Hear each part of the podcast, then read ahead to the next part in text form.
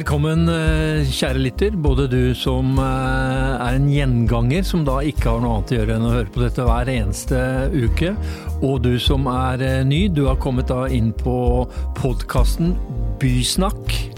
Mitt navn er Erling Fossen, og som alltid min bedre hjernehalvdel, Maren Bjerkeng. Men bare starte litt med myke minutter, for nå har vi ikke sett hverandre på noen dager. Du trua med å dra til Nord-Norge og endte opp med å holde på å bli koronaværfast? Ja, sånn kan det gå. Men det viste seg bare at det var litt eh, kaldt, så jeg kom gjennom det raskt. Effektivt sykdomsforløp, som man kaller det. Men, men hva er det med deg etter at du fikk eh, samboer, så, så skal jo du alltid ut av Oslo? Ja, men jeg kommer alltid tilbake. Det er ikke noe stress. Eh, ja, du har rota litt rundt i eh, forundringsesken din og kommet opp da med et nytt tema. Hva er det i dag? Ristet litt i kommuneplanvokabularet i dag. I dag skal vi snakke om knutepunktfortetting i praksis. Eh, vi snakker mye om det at det skal fortettes rundt knutepunktene. Det er områder i ytre by som er pekt på for fortetting. Men hvordan greier man å etablere det som gode nabolag med kvalitet, attraktivitet, og hva legger vi egentlig i det? Hva skal til for å få til de gode stedene, som ikke er en, eh, i dag en integrert del av eh, bystrukturen, eh, men som skal få ny, et nytt liv, kan man si. Og vi skal da se på Skullerud, et såkalt prioritert stasjonsnært område i kommuneplanen. Det betyr jo at det er prioritert for fortetting. Men hva mer er det på Skullerud, utover en T-banestasjon, umiddelbar nærhet til Marka og et klatresenter? Hva trengs, eh, og hvordan jobber man med området nå? Det skal vi få svar på i dag. Det er jo et veldig eh, takknemlig tema, og særlig da etter at Christian Pagg gikk ut og eh, raserte og raljerte over alle knutepunktene. At, hvor dårlig arkitektonsk kvalitet og hvor lite bymessighet er der. Da tenkte jeg bare ønske velkommen til gjestene våre. James Tove Lorentzen, ny leder av byutviklingsutvalget og Anders Oppsal i Oppsal-gruppen, bolig- og byutvikler.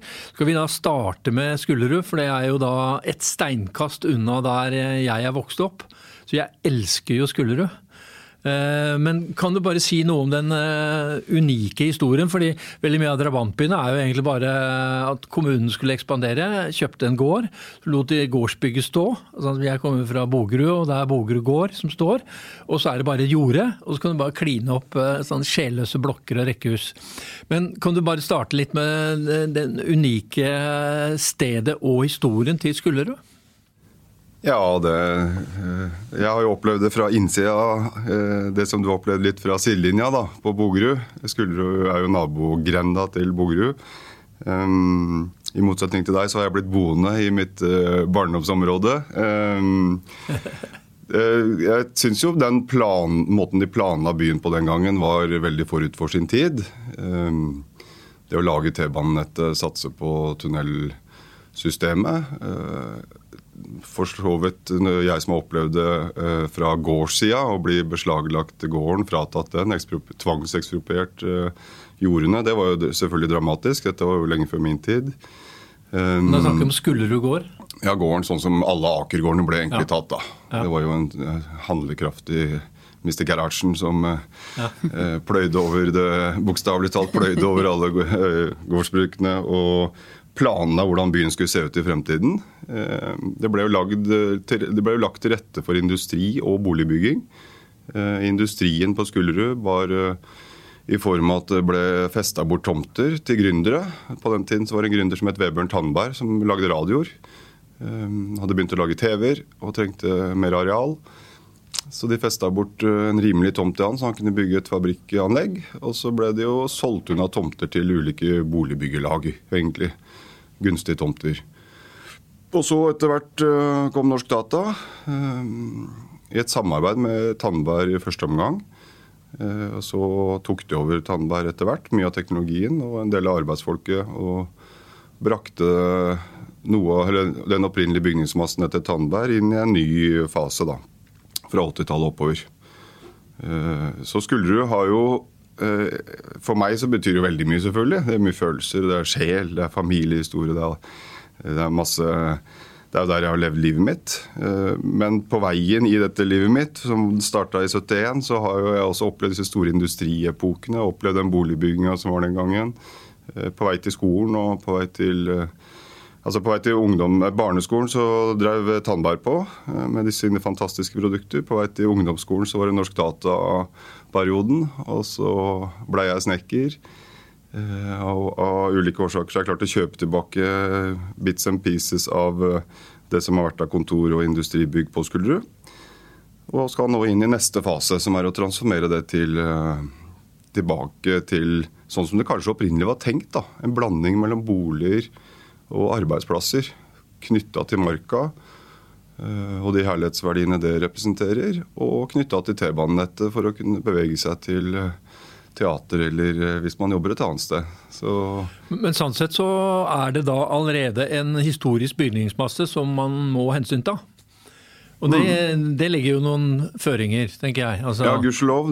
Hele ideen vår er jo å bringe historie. Altså, vi mener at området har sjel og en kjempestolt historie. Eh, Skullerud er jo en østkant, sydøstkant bydel. Eh, og det folk er stolt av der, det er selvfølgelig Marka, som vi har rundt hele Oslo. Men de er også veldig stolt av den historien som har vært der. Vi er stolt av Vebjørn Tandberg, vi som er fra Skullerud. Det var en eh, industripioner og en gründer av en helt særegen karakter. Norsk Data på samme måte, men i en annen tid.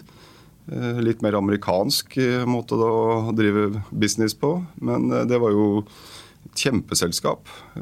Og har jo på mange måter satt sine preg og satt sine spor inn i den tida vi lever nå, med at en stor eh, andel eh, IKT-utdanna mennesker fikk jobb tidlig.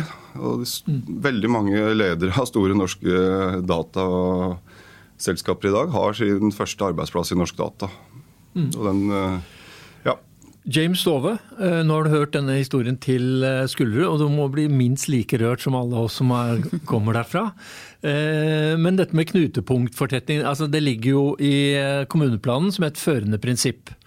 Og så tenkte jeg da, med veldig mye av den kritikken som har kommet den siste tiden, altså eh, hva slags type bymessighet kommer det av eh, rundt disse knutepunktene?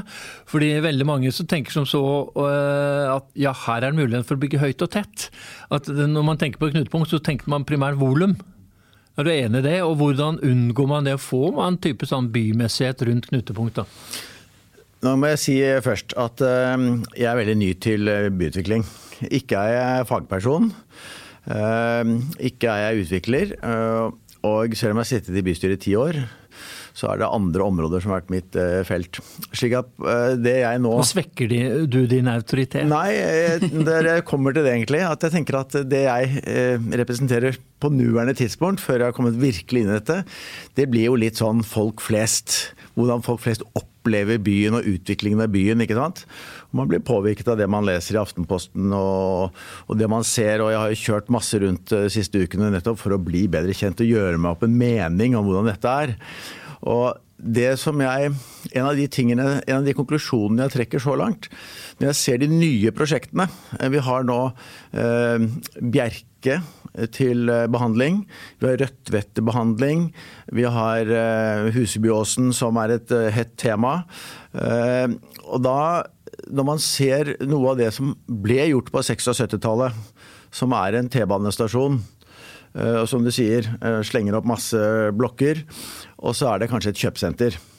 Eh, ikke et veldig stilig, fullverdig kjøpesenter som man kanskje forventer i dag, men et litt sånn 70-talls kjøpesenter som nå trenger en oppussing. Men det er ikke et sted som skaper masse liv og røre. Og Du nevner dette med by. Hvordan laver man liksom, Hva er disse bykvalitetene som et sted som Skullerud kanskje man skulle ønske man fikk? da? Og Da vil jo jeg mene at eh, sånn som man tenker i dag, som er eh, Man bruker ord som eh, torg og møteplasser, og man har liksom, passasjer, gateløp det er jo ikke ting man akkurat tenker på når man tenker på enkelte, jeg skal ikke nevne noen navn, men enkelte av drabantbyen Oslo. Det er ikke akkurat torg, møteplasser og gateløp og liv i første etasje man, man, tenker på. Men når man tenker på byer man, man, liker, eller deler av Oslo man liker, så er det jo akkurat det man liker. Nemlig det at det er eh, en kombinasjon av næring som ofte stenger ned klokken fem, altså kontorarbeidsplasser. Da blir det stille etter klokken fem. Og bolig, hvor det fortsetter å være liv etter klokken fem. Eh, selvfølgelig da idrettsanlegg, eh, grøntområder, men også disse gaterommene, møteplassene hvor du har en eh, Baker Hansen, og så har du en klatrevegg, og så har du ditt, og så har du datt. Det, det, som er en by, og det som, hva er det vi liker? Det er på Grünerløkka, det er på Majorstuen. Og at man gjenskaper noe av den der følelsen der, mm. uh, istedenfor å lage et lukket uh, kan du si, kjøpesenter som det man gjorde før i tiden. Så, Men det er, det er, vel noe med det man gjorde da, var jo mer det å skape For det første var det jo det å løse bolig, boligproblemer, eller å, å skaffe boliger. Og så hadde man jo ikke den samme bymessige tilnærmingen. Mm. For da hadde man mer den hvordan skal man få til landlige, praktiske forhold, men det å heller se på alle disse områdene som en gedigen mulighet. Eh, fordi det ligger jo tilrettelagt ved Det er jo tenkt riktig, som du også sa innledningsvis, eh, Anders, at det er jo tenkt riktig det å ha um, uh, ved et knutepunkt, at du lett kan komme deg både mellom alle disse stedene og inn til byen. Men så er det kanskje litt utdatert hvordan det er utformet, men tanken er jo riktig. Så det er jo på en måte den første nærhetsbyen tilnærmingen til det. Og så er jeg helt enig i at det er masse å ta tak i med hvordan man tenker bymessighet. Men, men eh, et spørsmål der, eh, litt til dere begge, blir jo det med hvordan skaper man Er det riktig å gjenskape Grünerløkka? Eller hvordan, hva er identiteten til Skullerud, da? Hvordan, får man, eh, det, hvordan merker man at her er jeg på Skullerud, og ikke på Løren eller Ensjø eller på Grünerløkka for den saks skyld? Det er jo det som er litt av utfordringen tror jeg er det å, eller å, å knekke den koden. At man greier å skape den identiteten til de forskjellige stedene. Da tror jeg at det er ikke én fasit på det. Vi, sånn, vi er så veldig sånn boksesamfunn etter hvert, og så skal man løse alle problemene på en gang. Altså, et sted med sjel, det oppstår over tid. Mm. Og det, tid er historie, ikke sant. Så vi er nødt til å øh, Jeg føler jo nå at vi i historien så har det vært sånn byggmestere bygde boliger. og Så kom det en periode hvor arkitekter og byggmestere utforma boligområder. og Så kom ingeniørenes tidsalder hvor det ble veldig sånn rasjonelt. Og så kom blårussens tidsalder eh, og brukte Excel på en måte for å styre hvordan byutviklingen skulle være.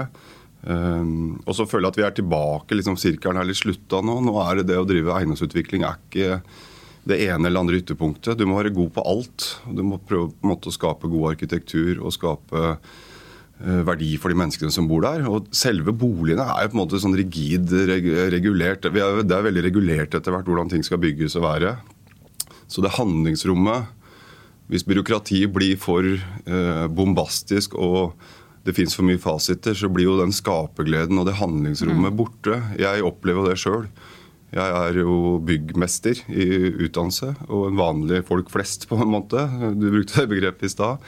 Um, og folk flest er jo, det er jo vi som har fasiten og definisjonsmakta, så det er jo viktig å høre på folk flest. Men, men eh, hvordan skaper du bymessighet med de rammene og den identiteten som er på Skullerud, som Arnt spurte om? Mm. Fordi uh, PB har jobbet med VEPOR for Skullerud, som nå er vel sendt i rådhuset. Skal... Veiledende plan for offentlig rom? Veiledende plan for offentlig rom. For de som ikke er inne i Ja. Uh, og det, Den skal da sendes til James på et eller annet tidspunkt, og det er de som skal vedta den. Men uh, der legger jo PBE opp til kvartalsbebyggelse, og det er jo bymessighet. For uh, hvis du har vært på Skulder i det siste, så er det jo akkurat som, som på 70-tallet. Det er jo tilrettelagt for biler og svære, åpne parkeringsplasser. Som man må gjøre noe med. Men er, det den kvartalsbebyggelsen man skal gjøre? Er det varierte høyder? Og så er det en høyspentledning der som dere må bli kvitt, som er veldig dyr å bli kvitt. Og så er det noe vannrør. Ja, det er ja. mange ting å ta tak i. Hvis vi skal prøve å ta litt sånn utenfra inn, så er det jo Sånn helt overordna i Oslo så syns jeg at uh, vi som utviklere har et ansvar også for den segregeringa vi ser. Det er veldig sånn øst-vest-segregering i Oslo, og som er blitt forsterka de siste åra. Så det å bygge kvalitet, det snakker jo alle om, ikke sant. Men er jo, gipsplatene er jo like. Takhøyder er gitt. altså det, det, det, meste er gitt. Så den kvaliteten man kan tilføre et område, det er jo det livet som er mellom byggene. Hvordan uh, det, Man snakker om parker og sånn. men hvordan ting er knytta sammen. Variasjon i høyder. Den tette kvartalsbebyggelsen og strukturen. Det sto i Aftenposten i dag om Løren ikke sant? med bilde av en sånn lang kvartalsstruktur som utenfra virker veldig sånn lukka. Men innenfra så var det, det var viktig den gangen på Grünerløkka på Adamstua å lukke gårdsrommet. For det. Det var en slags beskyttelse, og det var liksom litt roteplassen. da, eh, Hvor klaskedasser og ute, altså utedoer og klaskedasser skulle stå. Det er veldig sjelden du finner bilder, gamle bilder i byarkivet fra innvendig gårdsrom. Det er stort sett fasadene som var fine. Bakgårdene var enklere. Men Er det da det, det, dere skal gjenskape, eller hvordan skal dere da Det jeg har lyst til å gjenskape, jeg vil ta skuldre tilbake. Jeg har lyst til å løfte de kvalitetene som vi må løfte på bakken for å virkelig vise at vi mener alvor. Um, det, det, livet mellom byggene det hadde vi på gården når jeg vokste opp. Altså Der var det ulike mennesker som jobba med ulike ting, og som hadde felles, et felles prosjekt. på en måte. Det var å drive en gård. Vi spiste måltider sammen, eh, behandla hverandre med respekt fordi man kunne ulike ting. Og mestra forskjellige ting som alle var like viktige i en større, større maskineri. Det ønsker jeg å gjenskape. Og da må du bygge ikke for fort. og Kan ikke bygge alt på en gang. ikke sant? Det må bygges litt over tid. Må bruke ulike arkitekter. Må eh, variere høyder. Må slippe inn lys. Eh, må ikke stable boliger. Må ikke la rasjonaliteten få råde. da eller Excel. Du må la liksom menneskene løftes fram. Hvordan blir dette her fra bakken? Hvordan er det å være utenfor? For er jo, vi er jo flinke til å trekke oss inn i boligene. ikke sant? De store boligmaskinene som jeg i hvert fall har besøkt, så er det jo Folk sitter jo inne og inviteres på en måte ikke ut. Mm. Sånn at man blir jo, kjenner kanskje ikke de som bor i samme eh, leilighetsoppgang engang. Men dette er jo litt sånn uh, romantisk uh, og nesten sånn svermeri. Uh, jeg tenker sånn, James, du som skal gjøre politikk ut av det. altså... Ja, men jeg tror det, er noen viktige poenger her. og Det diskuteres nå i disse andre sakene vi har.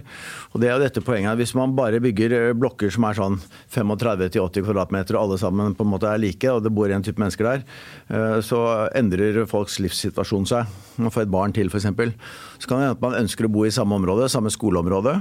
slik at, det at man kan gjøre en boligkarriere i ett område. Og da kommer til det du nevner, ikke sant? at der er det leiligheter for førstegangsetablerere. Og så har de muligheten til å flytte da kanskje det som er mer eh, småblokker eller rekkehus eller townhouse eller hva du vil kalle det. Og så senere i livet igjen så flytter barna ut, og så vil de gjerne flytte tilbake til noe mer eh, nyttig, som kanskje er en slags eh, Selvåg pluss-variant, som er for eldre. At du, du, skaper mange forskjellige, og da kan folk bo. Jeg hørte en historie fra Rødtvet hvor en som, som, kom med det argumentet at eh, veldig mange da de, når de er unge, så bor de da på Grünerløkka eller et eller annet sted i sentrum, og så trenger de å få større plass. Og, og ville gjerne flytte tilbake til Rødtvet, da, men det var, sånn, det var, ikke mulig. Så da ble det Lørenskog istedenfor. Mm. Eh, ikke sant? Og så det at Oslo faktisk begynner å tenke at et sted som Skullerud, så kan da en fra Skullerud som kanskje har vært borte i ti år for å jobbe i en annen by eller studert et annet sted, men kan finne flere typer boliger i det området, slik at de kan faktisk bli der. Sammen med familie og venner og sånt noe. Så um, den variasjonen er viktig. Da får hun et annet eh, viktig aspekt òg. Det er det generasjonsperspektivet. ikke sant? Vi trives. Vi, lik, vi driver nå og stabler litt sånn Selvåg pluss eller for barnefamilier eller for unge førstegangsetablerere. Jeg tror det å blande alle aldre mm. og alle livsfaser sammen, det skaper boligtrivsel. Det er veldig praktisk å ha besteforeldre i nærheten. Men, men så, det er jo noe med også den eh, Det er jo veldig mye uh, som ligger mellom uh, en mer eneboligtypologi og de blokkene vi snakker om. ikke sant? Sånn at det å få til den variasjonen, det er jo å ha det med seg fra start. Og så er det jo litt sånn som man tenker i mer indre byutviklingsprosjekter, at det er en blanding av funksjoner hele veien. Sånn at det er jo liksom det sjiktet man, man snakker om her, da. Også i disse områdene. Jo, men det med også må tenke på, altså, Oslo da, fram til korona har jo vært en ekstrem. Vokst sammenhengende siden 1984. Vi vokste med mellom 10 000 og 14 000 året. Det avføder røftlig et behov for 3000-5000 boliger hvert år. Og så På et eller annet vis så kan man ikke da holde på med et område og dille og dalle og sørge for at alle generasjoner har det bra. Før eller senere så er det sånn sett punktum, gå videre. Men der er det, sånn som Skullerud er et godt eksempel på det. For der er det bygd rekkehus Eh, atriumshus, eneboliger rundt den opprinnelige bebyggelsen. Men fordi det ikke har vært noe tilbud å flytte til, så bor man der til man dør. på en måte. Sånn at det å skape attraktive boliger for de som er ferdig med barneperioden, det vil forløse en masse av disse gode rekkehusene og tomannsboligene og atriumshusene og eneboligene som er rundt i området. Men i, men i, tillegg til boliger, for man snakker om det er ganske store ikke industri, men kontorbygg og næringsbygg, og så er det boliger. Men det må vel være noe i sjiktet mellom der som også er nøkkelen for å løse det tilbudet som mangler, da.